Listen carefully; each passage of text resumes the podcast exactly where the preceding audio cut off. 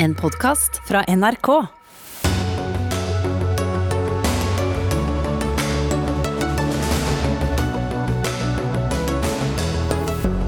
Voldelige demonstranter brøt seg inn i den amerikanske kongressbygningen i går. Terrorisme, ifølge borgermesteren i Washington DC. Hadde ikke opprørerne vært eh, hvite i huden, ville de antagelig blitt skutt, tror amerikanske Lisa Cooper. Én av fem amerikanere støtter gårsdagens angrep. Frustrasjonen er forståelig, sier lederen for Republicans Abroad i Norge.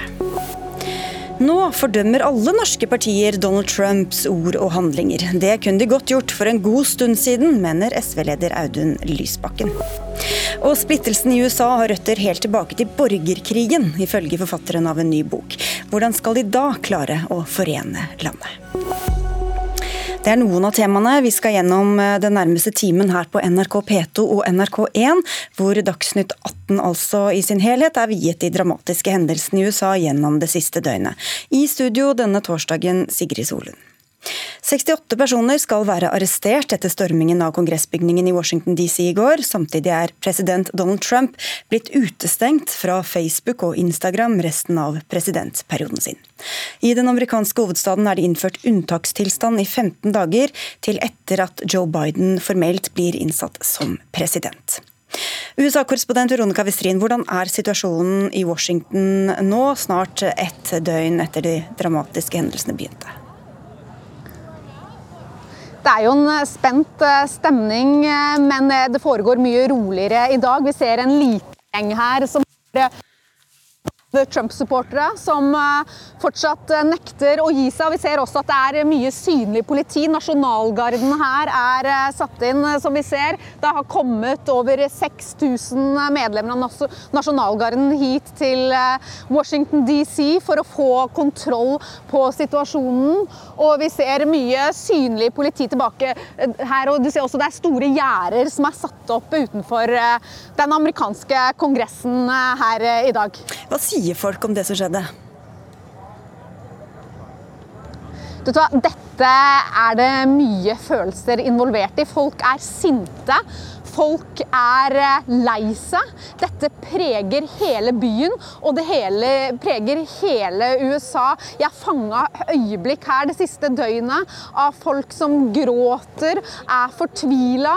Eh, og, og mange, det mange stiller seg spørsmål om akkurat nå, er jo hvordan dette kunne skje. Dette var jo en forventa demonstrasjon. Trump hadde jo bedt om at, eh, at folk skulle komme til Washington DC denne dagen. Man frykta voldelig sammenstøt. og Ordføreren her i Washington DC, Muriel Bowser, kaller jo det hele nå for terrorisme rett ut. Eh, og det kommer til å bli en stor opprulling som allerede er i gang her nå. Hva har man gjort for å sikre nasjonal sikkerhet? Hvorfor var det ikke flere medlemmer fra bl.a. Nasjonalgarden på plass eh, her i går, når man visste at dette kunne eskalere? Og hvordan kunne de så lett ta seg inn i hjertet av demokratiet her i USA? Det skal vi innom litt seinere i sendinga også, men apropos Donald Trump, eh, Veronica. Han er jo utestengt fra Facebook og Instagram nå i to uker til, og fra Twitter også i går. Han har da mistet noen av de viktigste talerstolene sine. Er det ventet at han vil komme med offisielle uttalelser utover dagen? Nå har vi jo sett eh, og hørt at han har blitt eh, pressa til å be demonstrantene om å trekke seg tilbake i går. og Han har også sagt nå at det skal bli en fredelig maktovertagelse den 20. januar, når vi får innsettelsen av Joe Biden. Vi ser de jobber med å rigge i stand. Delvis så ble det jo eh, ramponert her i går. Så, så dette jobber man nå med å sette i stand, så alt skal være klart til Joe Biden innsettes her 20. januar. Er det ventet at Biden men. Men om han sier noe i dag Nå har han ikke disse plattformene sine lenger, men, men eh, om han kom med en utdannelse, det, det, vet vi ikke. Men ja, Joe Biden han er det forventa at kommer til å snakke seinere i dag. Takk skal du ha, Veronica Westrin. Da går vi over til deg, Sofie Høgestøl, USA-kjenner og amanuensis ved juridisk fakultet ved Universitetet i Oslo. Hvordan har president Trump det i dag, tror du? Ja, Det er vanskelig å si. Vi har jo ikke hørt fra han. Um, vi fikk en, I tidlig morgentimene i USA uh, så fikk man et, en uttalelse fra han Um, hvor, uh, hvor, han uh, sier at det kommer til å være en ordnet over, maktovergang. Men han opprettholder jo fortsatt konspirasjonsteorien om at valget har blitt stjålet fra han. Som Veronica også var inne på, både Trump selv, sønnen hans og Rudy Giuliani, altså advokaten, mm. har sagt saker som kan tolkes i hvert fall som oppfordring til vold, mm. til opprør, før gårsdagens angrep. De snakket om et rettsoppgjør gjennom kamp, at folk skal tas. Hvordan blir dette tolket og nå eventuelt etterforsket i etterkant? Ja, Det blir utrolig vanskelig. Det blir jo den nye justisministeren som virkelig må ordne opp i dette. her. Vi fant ut i går gjennom CNN at det antageligvis blir eh, Garland, som er en sittende ankedommer i eh, Washington DC. Eh, og jeg tror Tanken bak å velge en sånn person er at de skal gjøre Justisdepartementet i USA litt mer politisk nøytral enn det har vært de siste årene. Men han vil få en vanskelig veldig vanskelig jobb i å, å, å, å, gå inn i dette sakskomplekset her og se på Det blir jo antageligvis en rekke straffesaker mot de som var i Kongressen men også se hvem har medvirket til at den situasjonen oppstår. Mm. Ja, Tove Bjørgaas, tidligere USA-korrespondent for NRK. Hvordan kan man sette dette i sammenheng, tror du? Nei, Det som vi vet litt mer om nå, eh, etter en del nyhets eh, artikkel i dag er hvem noen av de som ledet an dette angrepet på Kongressen var. og Flere av dem er ganske kjente høyreekstreme i USA. Og konspirasjonsteoretikere som tilhører denne QAnon-bevegelsen bl.a. De har kanskje planlagt dette litt bedre enn det vi trodde i går. De har kommunisert på forhånd om hva slags slagvåpen de skulle ha med seg for å få opp dørene inn til Kongressen, hvilke veier de skulle ta for å unngå politiet. Og det er jo kameraer inne i hele kongressbygningen, så å klare å finne ut hvem det er som har knust vinduer. og, og det var jo ikke akkurat slik at de skjulte ansiktet sitt eller lot være å ta selfies foran eh, kjente statuer og inne på kontoret til Nancy Pelosi og til og med inne i kongresshallen. Så, så her vil det i hvert fall være mulig å, å straffeforfølge, og det krever også folk i USA, og ikke minst politikerne, at man skal gjøre. Men hvorfor tror du de virker så lite redd for å bli tatt? Det syns jeg er noe av det mest interessante her.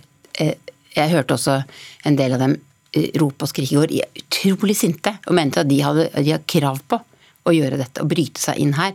Politiet sa også at de, de sleit veldig med å få dem til å respektere fortforbudet etterpå. Folk ville ikke la seg arrestere, sier politiet. Det er kanskje ikke så rart, men, men de mener altså at de har rett til eh, å eh, bryte seg inn her. Mange av dem ser på seg selv kanskje som eh, anarkister, men også mange av dem en del av dem i hvert fall er jo unge menn som har tro på hvitt overherredømme. Mm. Og, og, jeg tror også vi må uh, Det skal vi sikkert snakke om senere i sendingen. Det er en god del rasisme involvert. Også i holdningene som en god del av disse menneskene har. Du har rett, vi skal komme tilbake til det mot slutten av Dagsnytt 18. Men til de neste 13 dagene, som, som kan bli ganske avgjørende, Sofie. Høgsel, hva, hva, hva, slags potensielle hendelser, utfall, kan vi se for oss nå de nærmeste dagene? Altså, Per nå så er Trump president, det er han i 13 dager til. Men nå er det jo tydeligvis diskusjoner hans, blant hans egne regjeringsmedlemmer om man skal ta i bruk det ene virkemidlet man har under Grunnloven for å avsette en president uh, på kort varsel, så å si. Uh, fordi at de mener at personen ikke er tilregnelig, ikke kan fungere i embetet sitt. Det har aldri skjedd før. Det vil være en del av Grunnloven, man aldri har tatt i bruk før. Og Det vil involvere at man må få til et flertall av regjeringsmedlemmene hans og Mike Pence, at de går og kommer med en erklæring til Kongressen om at det er det de ønsker. Det ville jo vært for noen dager siden helt utenkelig at man skulle ha en, en faktisk skulle ha, altså det faktisk skulle være en pågående diskusjon. Men nå er det jo mange i dag som går ut og, og, snakker høyt om det. Det som kanskje er mer realistisk i første omgang, det er nok at det, er kongressmedlemmer som sier at de har lyst til å, å ta ut riksrettstiltale igjen, at det blir en debatt. Og så, det til, så er det også snakk om å ta og, og kritisere han formelt gjennom Kongressen, som kanskje det mildeste reaksjonsmønsteret vi har på bordet nå. Det har jo også vært spekulert i at Trump ønsker å få til situasjonen hvor han kan eh, erklære unntakstilstand, Tove Bjørgaas. Hva skal til for det? Ja, det, er jo det, det er jo slike ting man er redde for, også inne i Det hvite hus. slik jeg eh, forstår det nå. For som Sofie Høgestøl er inne på, så er det også mange i Trumps egen stab i dag som har sagt at nå må vi bare fjerne han fra dette embetet. Det er et slags anarki nå i den amerikanske hovedstaden. Og det er jo veldig skremmende. Og det vi så i går i, i natt, egentlig, da, det var at de to mektigste republikanerne, eh, bortsett fra Trump, altså visepresident Mike Pence og eh, senatsleder Mitch McConnell, begge snudde seg mot Trump. Han er nå alene. Og, og da eh, jeg vet ikke helt hva han kan gjøre i forhold til unntakstilstand, men i hvert fall så vil han jo være en veldig desperat nå mann i de dagene som gjenstår. Og veldig mange vil jo også være opptatt av å kunne gjøre ting, vedta ting som gjør at han kan kanskje straffeforfølges i framtida, at han ikke kan stille til valg igjen. Og han har jo virkelig planer om å gjøre ting etter eh, at han går av. Og de bildene som kom ut av angrepet i går, vil også være ting han kan bruke i sin markedsføring. Ingen annen amerikansk president har klart å få til noe slags som dette. Jeg tror det er bare viktig å presisere rent juridisk at selv om Trump skulle erklære unntakstilstand, så er han rent juridisk ikke USAs president etter 20.1 kl klokken 12.00 lokal tid.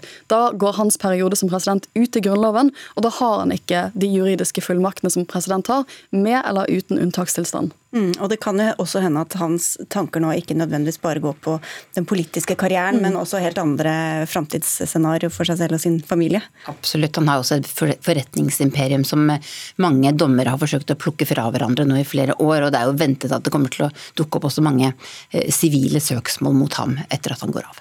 Så skriver han da på Twitter at uh, nå er det norsk oversettelse her, mens dette markerer slutten på historiens beste første periode som president, så er det bare begynnelsen på vår kamp for å gjøre Amerika stor igjen. Så hvordan skal vi forstå dette? Det som er det farligste her, er jo når du ser hvor sinte og disse menneskene er, også hvilke krav de mener de har på f.eks. å gjøre det de gjorde i går. Da. Hvordan skal man klare å slukke denne brannen? Eh, og, og hva, hva, hva, skal eh, det republikanske partiet, som jo selv etter angrepet i går var det 120 kongressrepresentanter fra republikanerne som stemte for, mot valgresultatet i, i, Pennsylvania. Hvordan eh, skal man jobbe for å forsøke å bringe folk sammen her? Dette er grupper som er blitt bedre organisert og, og mer sinte og voldelige i løpet av Trumps fire år. Dette blir vanskelig, og det kanskje aller vanskeligste nøtten å løse er at det ser ut som det er så mange amerikanere som reelt sett mener at valget har blitt stjålet fra Trump. Mm. Vi takker dere i denne omgang, Tove Bjørgaas og Sofie, Sofie Høgestøl. Og hvis eh, dere der ute har flere spørsmål om opptøyene i Washington og alt det andre som skjer der, så kan dere gå inn på nrk.no og stille dem der og få svar.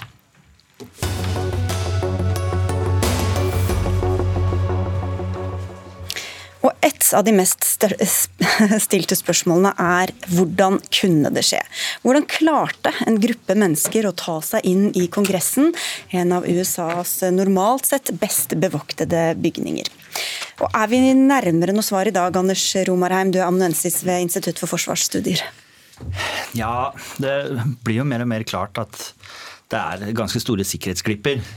Det sier seg sjøl når Eh, hele sikkerhetsopplegget kollapser. Eh, man har tydeligvis ikke eh, hatt ting på plass, fordi folk kom seg helt inn til Nancy Pelosis kontor, helt inn i salene hvor opptellingen skulle foregå. Og klarte på sånn sett, sånn sett å, å korrumpere en demokratisk prosess. Og Eh, nå skal vi snakke litt om sikkerhetsopplegget og alt sånt. og Sikkerhetsloven vår eh, har jo i første paragraf en ganske tydelig spesifisering av hva det viktigste vi skal beskytte er. Og demokratiske styresettet vårt er på topp, eh, er en av de tre øverste. Så her klarte man jo rett og slett ikke å beskytte det demokratiske systemet og styresettet. Og hadde altfor dårlig sikkerhetsopplegg, rett og slett. Og det er vel en del som har begynt å trekke seg på den bakgrunn. Så er det jo litt ulike tilnærminger tilnærminger man kan ha. Da. Det er jo ikke nødvendigvis sånn at man alltid skal gå rett i strupen på alle demonstranter, men noen ganger gjør man jo det i USA. Mm. Så da har man jo litt å diskutere. Anders Grønli, du er spesialrådgiver for strategisk sikkerhetsstyring i Norges Bank og er vant til å analysere og tenke på sikkerhet. Og Når man skal finne riktige sikkerhetstiltak for en bygning som, som dette, hva er det da viktig å tenke på? Sikkerhetstiltakene vil jo bestå av en rekke komponenter, og, og, som Anders er inne på, så vurderer vi også forskjellige typer faktorer. Eh, vi vurderer hvilke verdier som skal sikres, eh, og her er selvfølgelig de demokratiske verdiene som bygningen arbeider med, er en viktig verdi. Men også liv og helse til de som jobber der, de som er på besøk, og faktisk også demonstrantene som kommer inn. Eh, så Det er noe av det som skal sikres. Ehm, men ehm, når vi ser på de sikringstiltakene som man da kan implementere, så er det en kombinasjon av fysiske barrierer, altså dører, vinduer osv. Det er eh, de ehm, eh, elektroniske systemene som følger med, og det er ikke minst også vaktstyrker eh, av forskjellig slag som vil bli brukt. Men en tilleggskomponent som man ofte glemmer, det er at de som jobber der, de må også ha god sikkerhetsopplæring. Eh, for de må handle på riktig måte hvis noe sånt skjer som skjedde i går. Hvordan vurderer du de sikkerhetstiltakene som virket å være iverksatt her i går, da? Det er jo åpenbart at noe sviktet. Eh, men fordi det er så veldig mange forskjellige komponenter som skal virke sammen, så er det altfor tidlig å sette fingeren på noe. Og vi kjenner heller ikke til hvilke vurderinger som har vært gjort. Eh, så vi skal være veldig forsiktige med å, peke på at eh, en bestemt person bør, få sparken, som jeg har sett noen hevder i, i media. Jeg skal bare få en ting, fordi nettopp dette med at man skal vekte det ene mot det andre, Romarheim, hva virker det som du, du nevnte, demokratiet skal beskyttes. Hvilke andre prioriteringer er det man må gjøre i en sånn situasjon? Jeg vil jo si at eh, De demokratiske prosessene står veldig høyt oppe, og beskytte eh, menneskene, som Grønli er inne på. Dernest bygningen, og så til slutt her bør det kanskje være en prioritet å arrestere folk. For det er mange som nå har reagert på at det ikke var flere arrestasjoner. Arrestere folk, det tror jeg de kommer til å komme ganske fort rundt med, for det var en flamboyant gjeng som storma Capital i går. Og de tok masse bilder av seg sjøl og ble filma overalt. Sånn at eh, sikkerheten og å redde mest mulig liv er mye viktigere enn å få arrestert verstingene på stedet, mener jeg. Men de kom seg altså inn til helt sentrale plasser, Grønli. Hva sier det om de fysiske sperringene også de kan ha møtt på, på veien? Tilsynelatende så var det jo ikke så veldig mye fysiske barrierer, altså dører som ble lukket og, og sånt, men, men, det vet vi jo heller ikke så mye om. Altså, dette er en bygning som er fredet. Det kan være begrensninger for hva man kan gjøre i en sånn bygning av fysiske tiltak. Eh, det er eh, også sånn at vi eh, altså Dersom det er så store menneskemengder som vi så i, i går kveld norsk tid, så måtte de antagelig vært stoppet før de kom frem til bygningen for å kunne håndtere situasjonen. Og det gjør det enda mer komplekst, selvfølgelig. Hvem skulle stoppet dem? Og så er det jo mange som da har påpekt at, at de fikk lett vei inn, og at noen politifolk nærmest uh, tok selfie med det, eller i hvert fall bidro og ikke, ikke virket så ivrige etter å stanse dem. Og at de kanskje ikke ville kommet så langt hvis de hadde hatt en mørkere hudfarge. Lisa Cooper, tidligere styreleder i Democrats Abroad, hvordan ser du på det? Men, men for, først, før det går litt tilbake, det er tre forskjellige bygninger, det må man huske. There's the Russell Building, hvor sen senatorene har sine kontorer. Det er den i midten, hvor de har de store møtene. Og så har du den andre, hvor de Representantenes hus har sine kontorer. Og det har vært en åpen policy, en demokratisk policy. at Jeg har vært i The Russell bygning en gang hvert år. Alt du må gjøre, gå gjennom dører, du må ikke fortelle dem hvor du skal. Jeg har you know, banket på og hilst på Mitch McConnell. Så det, det er disse bygninger som er hensikten. Eh, de vil være åpne mot folket? å være åpent. Men det er den i midten. The Capitol Building, hvor de har stormet. Så det er det første mm. ting. Men, men for meg, når jeg så dette i går Uh, og jeg sa den helt fra starten. Så jeg sa den da you know, på MSNBC så begynte de å si uh, Where is Mike Pence going? You know, vi kjente ingenting helt i starten. Um, og så plutselig så var det neste bilde hvor du sa masse hvite mennesker som bare står på balkongen. Og så begynte man å bli litt irritert, for det tok nesten en og en halv time før noen ting skjedde. Ja, og så Hvis de mennesker var svarte mennesker, så hadde de vært skutt med en eneste gang. Og det hadde vært en helt annen situasjon. Når vi hadde Black Lives Matter-protestene um, uh, i august, så var det omtrent 150 mennesker. Så var 50 arrestert. Her var det 30 000 mennesker. Så var det, Nå tror jeg det er nesten 60. Men det som de var arrestert for, var uh, portforbud eller at de you know, pågikk på portforbud. Og så sa du politi som nesten hjalp dem ned trappene. Du sa politi som prøvde å, å nesten berue dem ned og åpne dører. Det var så, pro, eh, så provoserende. Og jeg tror egentlig det var Twitter og flere hvite mennesker som egentlig sa dette er white privilege. Eh, på TV. Men hvis målet var å, å, å, å, ta hensyn til å redde og skåne flest mulig liv, både også blant demonstrantene og selvfølgelig blant de som jobber der og de folkevalgte, hvordan tror du at det hadde vært bedre hvis de hadde gått hardere ut og mot ja, faktisk det. Hvis, også særlig hvis du tar den sammenligningen med Black Lives Matter-protest og det som skjedde i går. Hvilken er mer et truse for landet? Ja, Det var det som skjedde i går.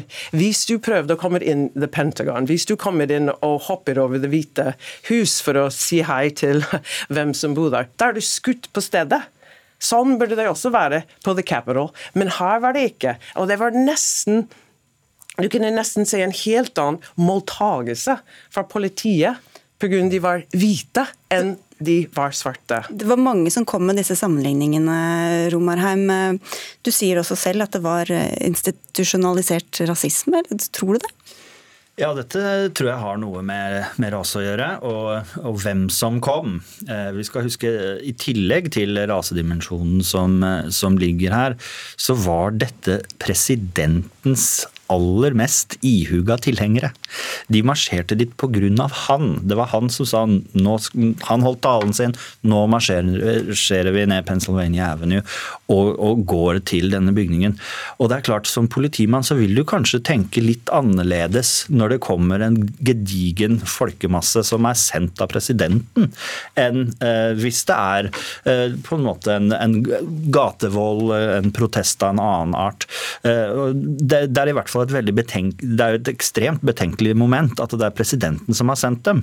Og, og, og eh, Trump ble jo litt berømt for å si under en eh, white supremacy-markering det var for bad people on both sides. Her var det egentlig hans folk på begge sider, mener han. Det var hans ihugga tilhengere, og så er det politistyrken som han sier law and order president osv. Så, videre. så Så alt bare blir blanda sammen i en eneste haug. Du nevnte Black Lives Matter, Lisa Cooper, men det kan jo også hende at politiet da eh, tok lærdom av det og ønsket en mindre sånn, eh, og militære, en mindre tilstedeværelse under en sånn demonstrasjon som, som man hadde. Det, det er faktisk det de har sagt i etterkant, at uh, politiet var fortalt at la mm. dem protestere. Men jeg mm. mener, det, da er det før du begynner å gå over grensen, når du mm. begynner å, å ta ned barrikadene. Sorry, det er ikke noe fredelig demonstrasjon. Og det var akkurat som du kanskje Storde sa, det var en glimrende eksempel på systemisk diskriminering. Mm. Til slutt her, Anders Grønli, Hva tror du evalueringa nå i etterkant kommer til å fokusere på?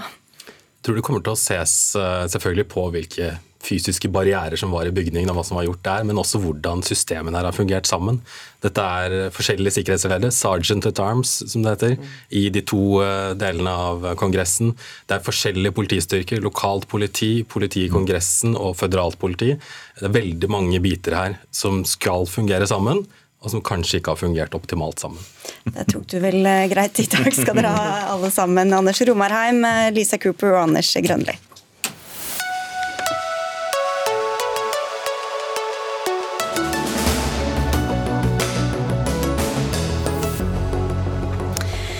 Det siste døgnet er det kommet en nærmest unison fordømmelse av Donald Trump. I årene etter at han overraskende for mange ble valgt til president, handlet mye av den offentlige debatten om å forstå strømningene og de antiautoritære kreftene.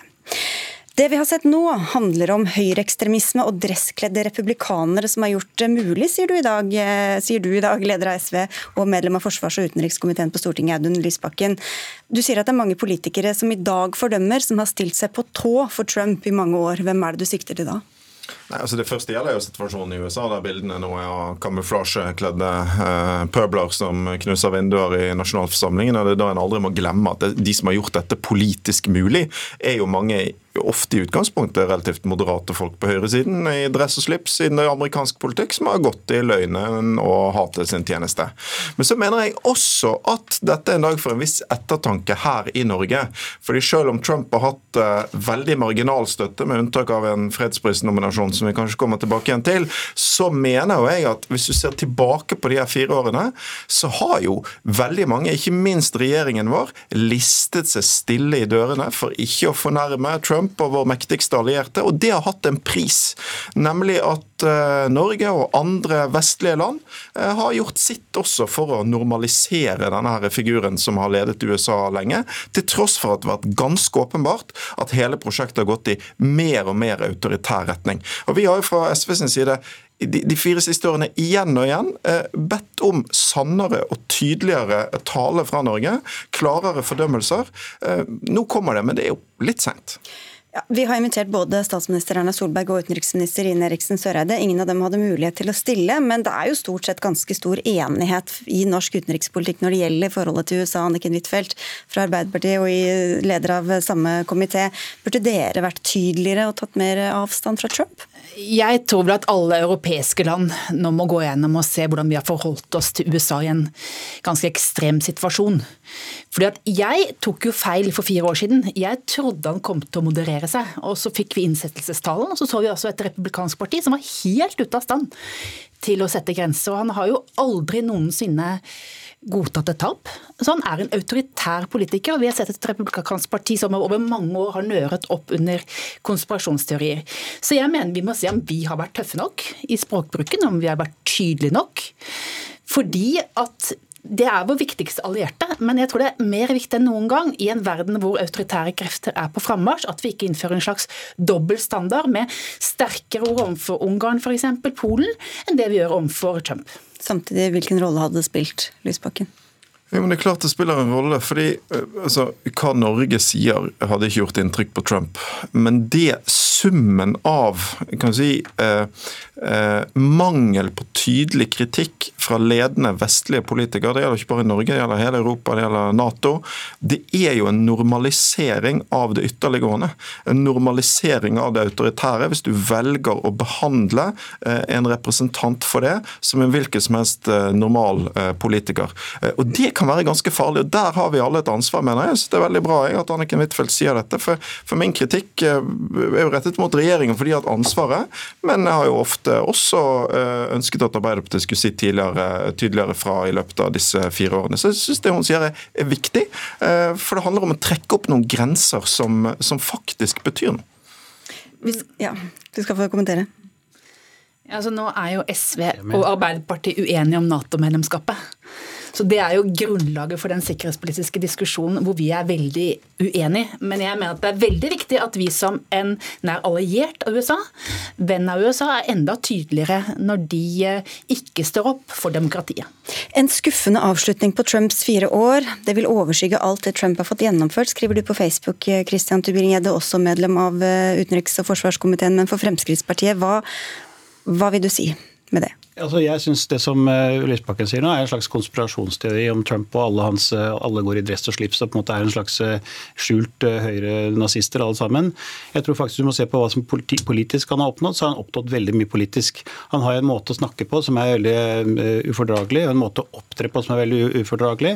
Han har en måte å snakke til folk som er veldig ufordragelig, men politisk så har han oppnådd veldig mye, og det må man også sørge å si. Og Det er ikke sånn at vi skal gå rundt i, i Norge og være en sånn retorisk politi overfor USA og si at nå må du slutte å snakke sånn til mediene, nå må du slutte å snakke sånn til hverandre. Politisk så har eh, Trump hatt en, eh, hatt en, agenda som å sette USA først. Han har ønsket å gå ut av Parisavtalen, som veldig mange europeiske politikere syns er helt forkastelig. Men det er et politisk standpunkt. Han ønsket ikke å støtte WHO, det er altså et politisk standpunkt, et politisk oppgjør.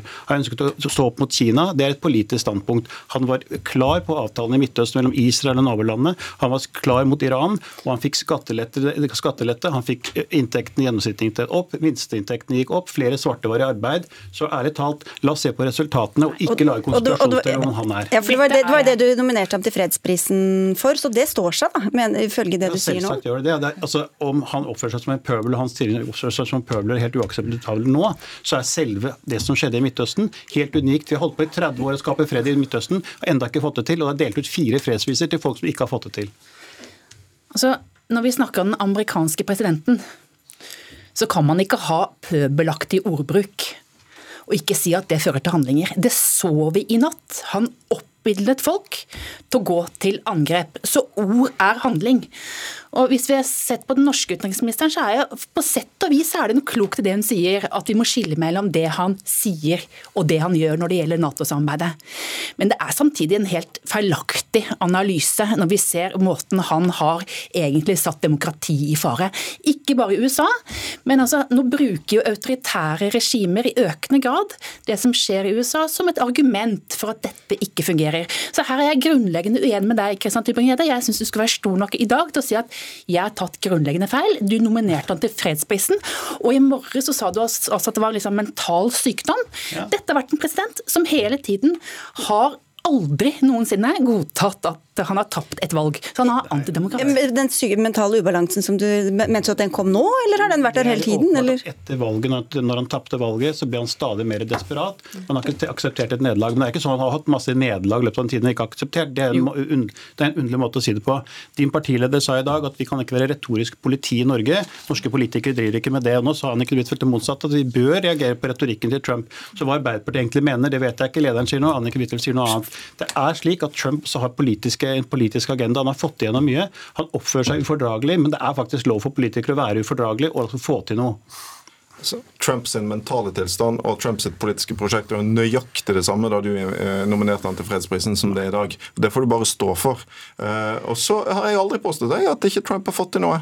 Tvert imot har han fått til mye, og det er jo derfor vi har vært opptatt av i fire år å ta mannen og det politiske prosjektet på alvor. Og Det jeg er mest overrasket over egentlig i dag og i går, det er alle som sier at de er overrasket. Altså Det er jo helt åpenbart at trumpismen kunne ende her. For det er dette som skjer hvis du visker ut skillet mellom løgn og sannhet, hvis du begynner å så tvil ved om demokrati er noe å samle på.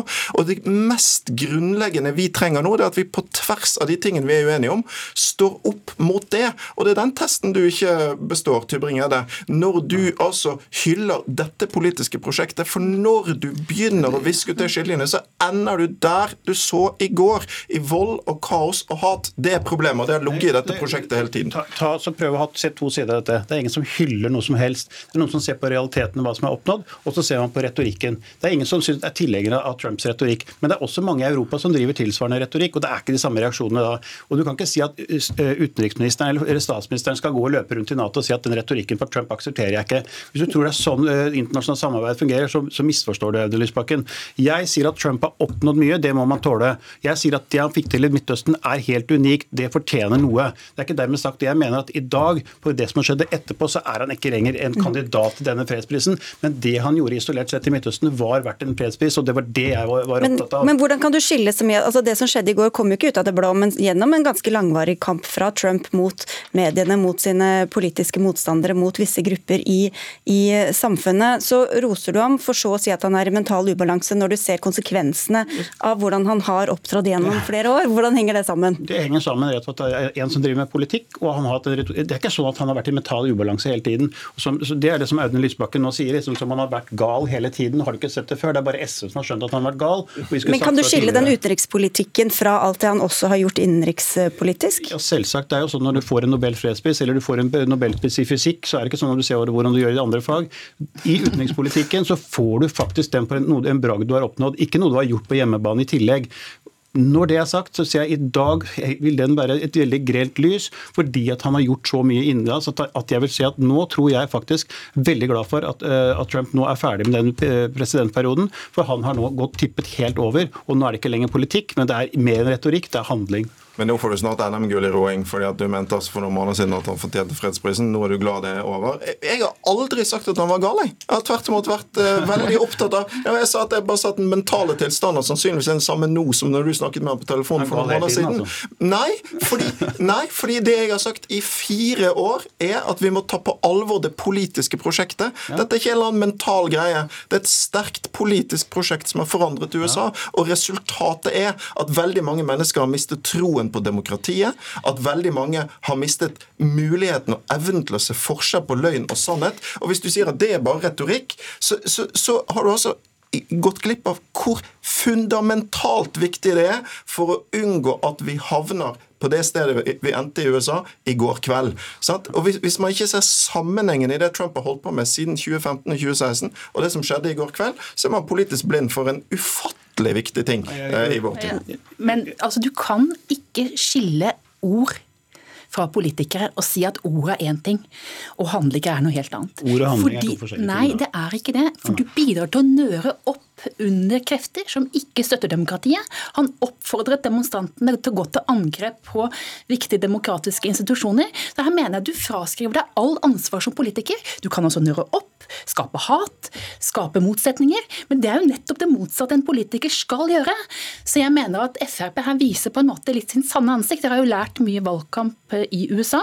Og jeg tror at det er altså grunnlaget for at du inntar den holdningen som du nå gjør nå i dag. Og også den politikken som du har stått for med at når vi snakker om menneskerettigheter, så henviser du ofte til at dette er ulike lands indre anliggende. Jeg tror på noen felles verdier, da som menneskerettigheter, folkerett. Og jeg mener at det er viktig at vi har meninger om hvordan andre land forvalter sitt demokrati. Det er, litt, Anniken Huitfeldt, det er litt sånn selektivt i Arbeiderpartiet også med menneskerettigheter. da, Og det er litt flytende folkerett og menneskerettighet også hos dere, Anniken. Det virker nesten som du er prinsipiell over hele jordkloden.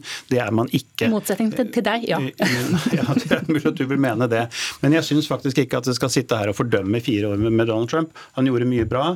Etter at han tapte valget, så klarte han ikke å innse det, og da ble han selv rett og slett. Og da mener jeg han gikk i mental ubalanse. Og jeg vil ikke si at han var det hele tiden i mental ubalanse, som Lysbakken sa. Ikke gal Jeg tror ikke det har noen hensikt å spekulere i det heller, hvordan hans mentale helse har vært. Men, men bare for å spørre om det med, med retorikken. altså Tror du ikke at det er en sammenheng mellom de ordene han har brukt og andre rundt ham har brukt, og det som skjedde i går?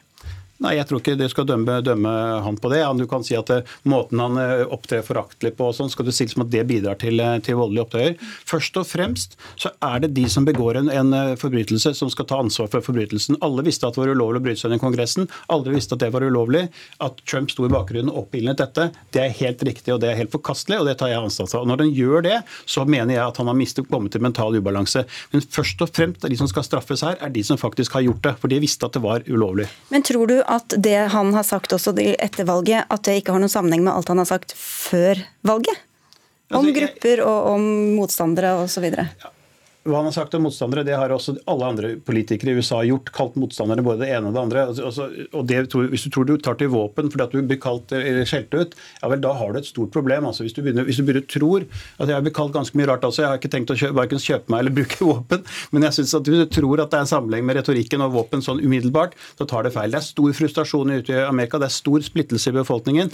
Det, han representerte noe som samlet dem. Han, de er forbanna på, på, eh, på myndighetene, de er forbanna på systemet systemet, de er forbanna, de føler seg urettferdig behandlet generelt sett, og de føler seg oversett. Endelig så kom Trump og prøvde å så dem. Man må ikke være så enkel å si at Trump er i ubalanse mm. hele tiden. Ergo eh, Det er vel bare du som har snakka om hans mentale ubalanse, ingen andre. Vi har tatt ham på politikken. Det er du som snakker om Nei. har vært det hele tiden. Nei, ja, ja, vi lar det, vi lar, overlater det til hans egne psykologer, som han vel aldri kommer til å ansette. Men denne misnøyen da, og polariseringen i USA, den har jo ikke oppstått med Trump, Audun Lysbakken. Hvorfor sa du ikke at vi like gjerne skulle gå ut og fordømme Obama? Obama, som også på en måte sørget for den samme utviklingen, eller i hvert fall tillot den samme utviklingen da, i sitt eget land. Altså, jeg var kritisk til Obama. du er kritisk til alle, du. Men, men, ikke, men, sant, men igjen, da, en må se forskjellen på eh, politikere som man er uenig med, og de som har autoritære holdninger, undergraver demokratiet. Det er det som er hele poenget. Altså, Vi må klare å lage, på tvers av alle uenigheter vi har, en felles front mot det. Og det er der jeg mener det er behov for ettertanke. fordi hvis en ser på hvordan Trump har vært eh, behandlet, også fra norsk hold, så har man ikke klart å trekke den linjen. Altfor, altfor lenge, helt til det siste, så har man eh, gått rundt og håpet at dette skulle bli som normalt til slutt, til tross for at det var ganske eksplisitt og tydelig tidlig at dette var et eh, antidemokratisk antidemokratisk Det er lett å peke på Trump, og ikke så lett å ta tak i de underliggende problemene, Huitfeldt. Ja, det blir jo den store utfordringen til Biden. Vi kommer nok til å se et USA som er mindre til stede på den globale arena. Det kan være fordeler ved det, men også ulemper. Når vi har jobba for menneskerettigheter, så har vi ofte hatt USA i ryggen, men nå må de konsentrere seg om sine interne problemer. Det tror jeg blir jobb nummer én. Takk for det Trump også gjorde. dette møtet i eh, Stortingets utenriks- og forsvarskomité, alle sammen. Audun Lysbakken fra SV, Annike Huitfeldt fra Arbeiderpartiet og Christian Tybring-Gjedde fra Frp.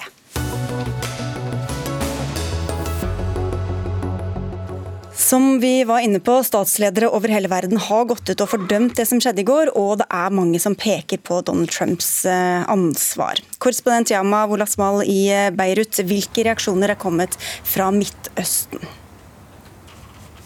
Du, Det er litt delte meninger blant eh, folk flest her. Du har de som er eh, i likhet med mange hjemme i Norge i sjokk over det de har sett i Washington eh, i går, Washington DC i går. Og så har du de som mener at dette ikke er overraskende i det hele tatt. Jeg snakket med en libaneser som påpekte at når du har hatt en mann i Det hvite hus som har løyet seg gjennom fire år ved makten, som har manipulert, som har satt mennesker opp mot hverandre, som har, ført, som har undergravd enhver form for demokratisk prosess, prosess, ja, hvorfor er man da overrasket over at hans presidentperiode ender i det kaoset og det anarkiet vi så i går? Så her er det litt forskjellige meninger blant folk flest. Israels statsminister Benjamin Netanyahu, som har hatt et relativt nært forhold til Donald Trump, har kommet med en kraftig fordømmelse, men han har ikke kritisert presidenten. Hvordan leser du det? Altså Netanyahu er kanskje den statslederen som har uh, fått mest ut av sitt uh, nære vennskap med Donald Trump, som uh, sørget for å flytte amerikanske ambassaden fra Tel Aviv til Jerusalem og dermed anerkjenne Jerusalem som Israels hovedstad. Han har latt Netanyahu fått fritt spillerom med å bygge ulovlige bosettinger og utvide okkupasjonen av Vestbredden. Og nå sist har Donald Trump stått i bresjen for å sørge for at Israel får viktige arabiske allierte. en historie historisk, eh, et historisk skifte her i Midtøsten. Så Netanyahu har rett og slett veldig mye å være takknemlig overfor Trump for. Og det kan forklare at han velger å fordømme gårsdagens handlinger, eh, men utelater å kritisere presidenten direkte. Iran har hatt et eh, litt kjøligere forhold til Trump. Hvordan har iranske myndigheter reagert på det som har skjedd i Washington DC? Ja, president Hassan Rouhani gikk på talerstolen i dag på nasjonal TV og sa at han kritiserte det amerikanske systemet, eh, som han sa, viser, altså han sa at det viser hvor skjørt dette systemet er når vi ser gårsdagens eh, hendelser. Han sa bl.a. at eh, vi ser at en populist ankommer og raserer det meste de eh, siste fire årene. Han sier at jeg håper at hele verden og den neste mannen i Det hvite hus lærer av disse feilene. Og så sier Rouhani noe interessant som vi sjelden hører fra, fra iranske ledere. Det er at uh, han kaller USA en stor nasjon som han håper Joe Biden kan gjenreise. Det er ganske unikt, for vi hører som regel iranske ledere kalle USA den store Satan. Da går vi fra Beirut til Roma og til deg, Simen Ekern. Hvordan vil du eh, oppsummere reaksjonene fra europeisk hold? Nei, Det har vært mange, og de har vært nokså tydelige, iallfall når det gjelder å fordømme den eh, voldsbruken. Mange sa vel omtrent som, som Boris eh, Johnson at dette var eh, uakseptabelt, sjokkerende osv. Det var også noen som gikk litt lenger i å gi Donald Trump et ansvar i det som kanskje kan være et slags frampeik til debattene. Vi hørte tidligere i Dagsnytt 18 så snakket jo den tyske utenriksministeren Heiko Maas nettopp om at de voldelige handlingene vi så, var resultater av oppfordringer til voldelige handlinger, og at Donald Trump på sett og vis da fikk det han eh, ba om. Eh, ellers så har mange først og fremst konsentrert seg om å fordømme volden og glede seg til Joe Biden kommer som EU-kommisjonens formann. Og så kom da i dag, eh, senere enn de andre, men også skarpere enn de andre, Angela Merkel med en veldig tydelig fordømmelse av både hvordan Donald Trump har nektet å akseptere nederlaget, og hun sier også at måten han har nektet å gjøre det på, og og den måten han har snakket om det på, bidro til de scenene eh, vi så i går. Så selv om hun kom senest, så, så er den statslederen som kanskje har blitt hardest kritisert av Trump, da den som valgte de sterkeste ordene i dag når hun snakket om det som hendte i Washington DC. Men han har jo også fått kritikk fra skal vi si, litt um, uventa hold. Høyrepopulistene i Europa, hvordan reagerer de på disse hendelsene i USA? Ja, Det er interessant for uh, Marine Le Pen i, Frankrike, som jo uh, kanskje uh, har vært den som har vært mest opptatt av Trump, sammen med Matteo Salvini her i Italia, Gert Wilders i, i, Nederland, så snakket jo de da Trump eh, ble valgt, om at dette var eh, en helt ny start på en ny verden som de ville være med på. I dag eh, sier Marine Le Pen at hun fordømmer det som hendte, og hun sier også at Donald Trump har feilvurdert. Samtidig så fortsetter hun og mange av de andre også den kritikken av det de mener er meningssensur. F.eks. kritiserte Le Pen at, at Twitter og Facebook stanset Trumps kontoer. Så det er jo ikke sånn at de kritiserer alt han gjør, men det var en endring, et skifte i dag, uh, tror jeg vi kan si, i det intervjuet som, som Marine Le Pen gjorde. Men tror du det kan få noe å si for den europeiske høyrepopulismen? Jeg vet ikke, de, de, var jo som sagt veldig veldig opptatt av ham og mente at han skulle gi dem drahjelp da han ble valgt. Nærmest euforiske etter Trumps valgseier, fordi de så det som starten på noe nytt og stort som de skulle være med på. Så er det mange som har distansert seg litt fra ham eh, etter hvert, men, men, det er bare noen uker siden Matteo Salvini her i Italia gikk med eh, Donald Trump eh, med munnbind f.eks., og i dag er han også å fordømme volden, men, men mener likevel at det må være lov lov å, å, ha støttet Trumps politiske prosjekt. Og Så raser da debatten er det to forskjellige eh, ting, eh, eller er det sånn at Le Pen og Salvini nå må gå i seg selv og se at de har støttet et prosjekt som kanskje implisitt oppfordret til scener som eh, vi så i går. Den debatten har startet både i Frankrike og Italia, og den kommer til å fortsette. Takk skal du ha, Simen Ekern, og takk til Yama Wolasmal.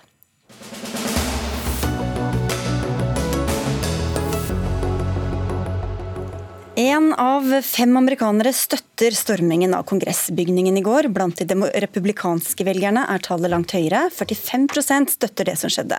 27% av republikanerne mener det var en trussel mot demokratiet, ifølge en undersøkelse fra YouGov. Austin Rasmussen, du er leder av Republicans Abroad i Norge. Du forstår norsk, men du skal få lov å svare på engelsk. Hva synes du om det som skjedde i Kongressen i går? Well, I've, I've reserved uh, having a, a conclusive opinion on this until uh, I have more information on actually what happened. Obviously, there's going to be an ongoing investigation, and the only information I have at hand is really uh, what comes down from corporate media, um, which I have uh, very little trust for uh, in this regard. And so I'll, I'll wait uh, for the days ahead or the weeks ahead as the investigations conclude. Now, if there's been found that there was unjust violence, uh, obviously, there were there was trespassing, and if the police decide to arrest and prosecute, uh, and these uh, perpetrators committed crimes are are uh, found guilty in a court of law, uh, then that's the justice system, and and they'll likely deserve whatever it is that that is thrown at them through those channels. Um, that's from a legal perspective. From a civics perspective, I I can say that so far what I've gathered is there were some people within the MAGA wing of the Republican Party who were dressed in various costumes. Uh, they they stormed the uh, the Capitol and uh, waved various flags, um, went into various offices. I still haven't seen any violent intent in that they were targeting government officials. Rather, they were trying to make a public political statement, which clearly they did in a, in a very symbolic structure. So, from a civics perspective, I understand where their head is, but uh, until I have more details, I'm not yet sure whether or not I condone their justifications for their decision. Jeg bare oversetter litt. Ja, du vil altså vente med å konkludere vente med å dømme til du er sikker på hva, at det som er kommet fram er riktig. Du stoler ikke på de redigerte mediene, og du vil altså vente på eventuelle dommer i rettssystemet men du sa selv også, det var jo altså folk som, som, som, gikk over grenser. De truet, de knuste vinduer, de tvang folkevalgte til å rømme, de ramponerte, saboterte prosessen med formelt å få godkjent presidentvalget. Hvorfor vil du ikke fordømme det ut fra det du allerede har sett og vet? Well, I, I mean, I, I'm not going to outright condemn it. I understand the frustration. I understand where their head is. Um, And uh, like I said, as long as there there wasn't any unjust violence in in targeting people that uh, shouldn't have been targeted in, in a violent engagement, uh, then it, it's hard for me to outright condemn it. Now, I'm not saying I would have been involved if I happened to be in Washington D.C. Uh, I also think it's uh, prudent to remember that that these this was uh, a small group of the larger protest process. Um, and there's been very little reporting uh, that it's not as though this small group was was representative of the entire um, the entire you know Trump constituency.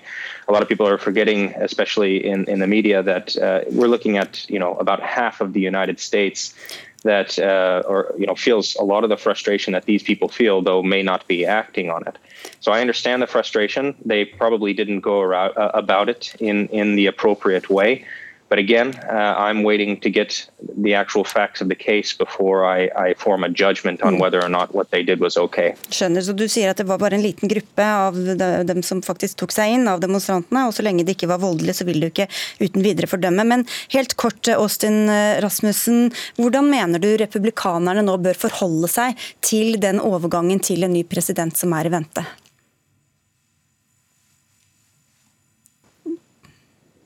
Sorry, are you there? Ja, eh, eh, hvis du yeah. klarer å svare kort, Hvordan syns du republikanerne bør forholde seg nå til den eh, overgangen til ny president som kommer?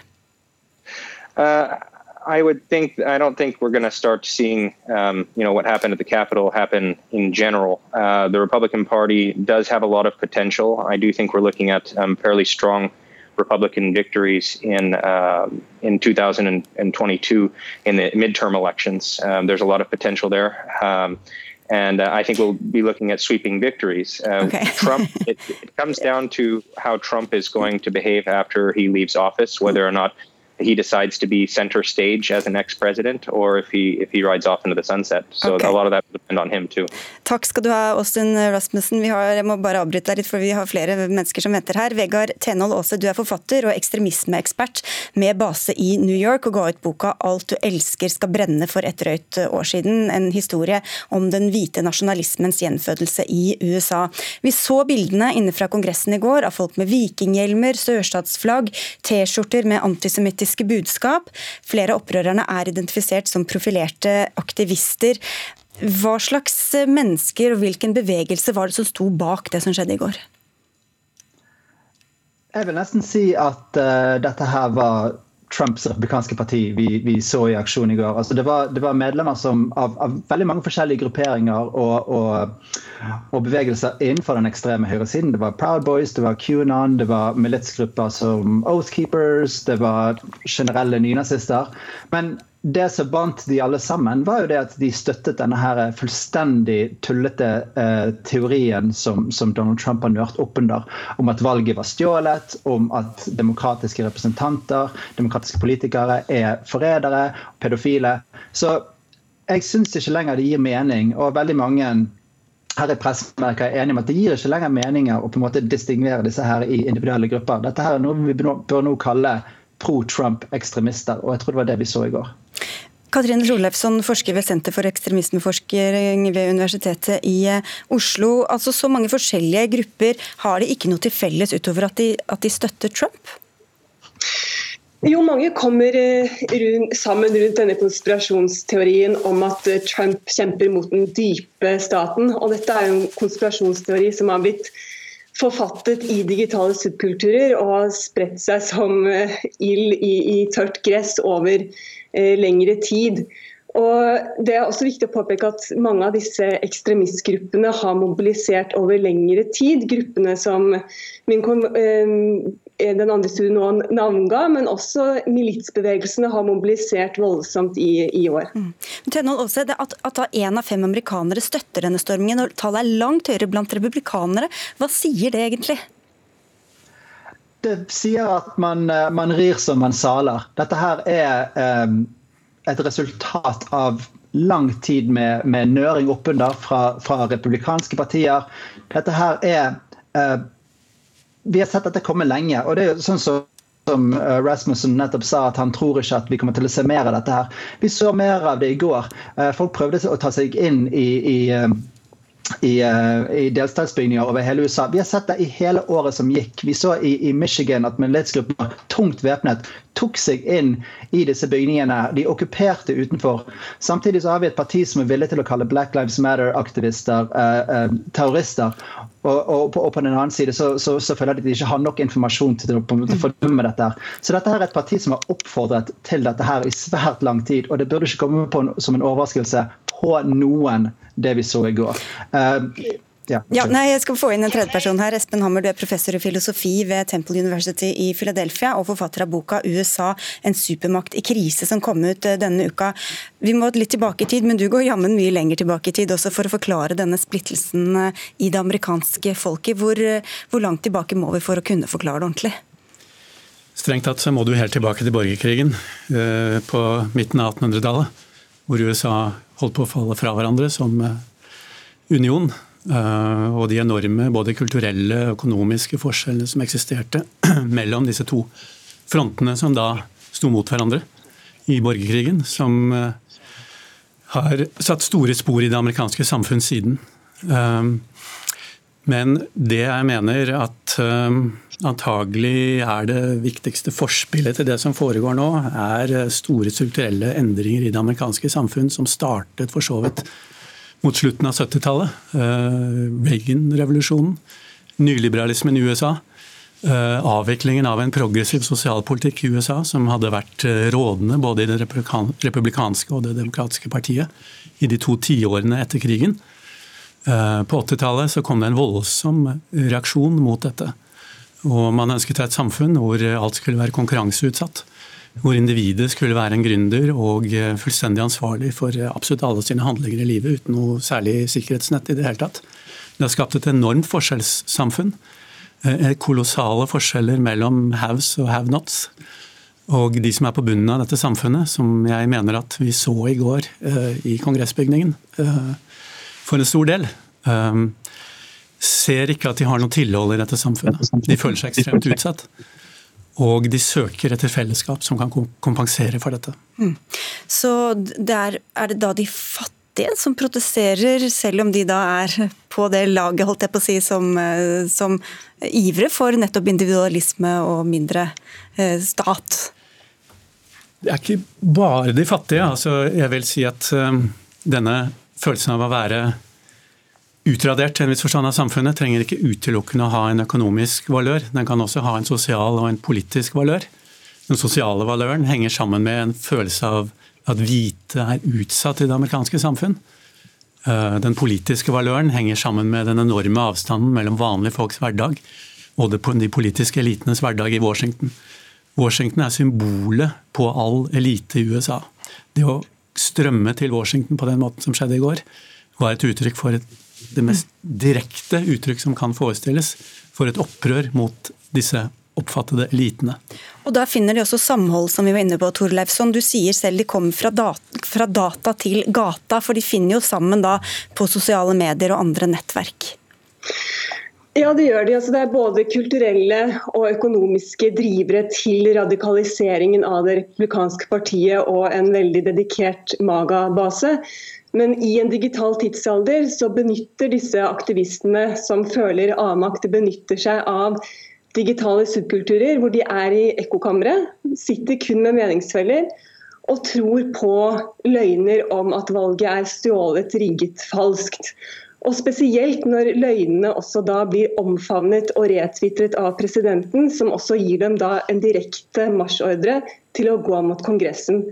Så her ser vi egentlig at veldig marginale aktører i internetts avkroker på relativt kort tid har klart på en effektiv måte å spre propaganda, og den er også effektiv fordi du har republikanske tilretteleggere som har omfavnet disse konspirasjonsteoriene.